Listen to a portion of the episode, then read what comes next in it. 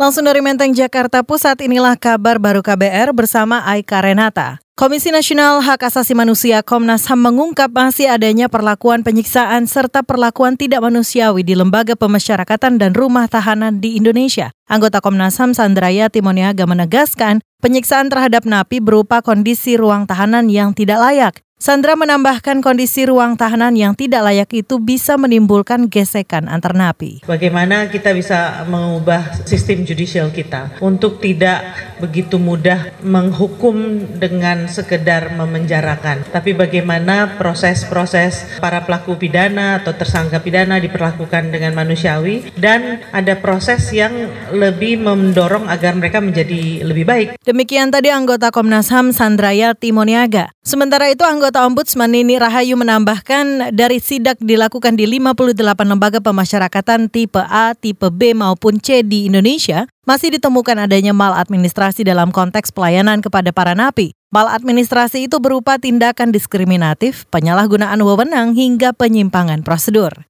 Kita beralih, Menteri Koordinator Bidang Politik Hukum dan HAM, Wiranto, akan mengecek proses negosiasi penangguhan penahanan tersangka kepemilikan senjata api ilegal Sunarko kepada kepolisian. Wiranto menegaskan kepolisian harus melakukan penangguhan penahanan berdasarkan peraturan yang berlaku. Itu proses hukum kan diizinkan. Kalau saya yang minta, saya yang kemudian memaksakan polisi, itu namanya intervensi. Tapi kalau kepolisian yang punya hak, punya kewenangan untuk melakukan penyelidikan, penyidikan, penahanan, dan kemudian memberi kebijakan, itu bukan intervensi. Itu cara-cara yang ditempuh polisi agar proses itu bisa berjalan baik. Menko Polhukam Wiranto menjelaskan penangguhan penahanan boleh dilakukan dan tidak melanggar hukum. Wiranto menegaskan penangguhan penahanan tidak menghentikan proses hukum yang sedang berjalan. Sebelumnya, Menko Maritim Luhut Binsar Panjaitan dan Panglima TNI Hadi Cahyanto menjamin penangguhan penahanan tersangka kepemilikan senjata api legal Sunarko. Senjata milik Sunarko diduga akan digunakan pada aksi 21-22 Mei 2019.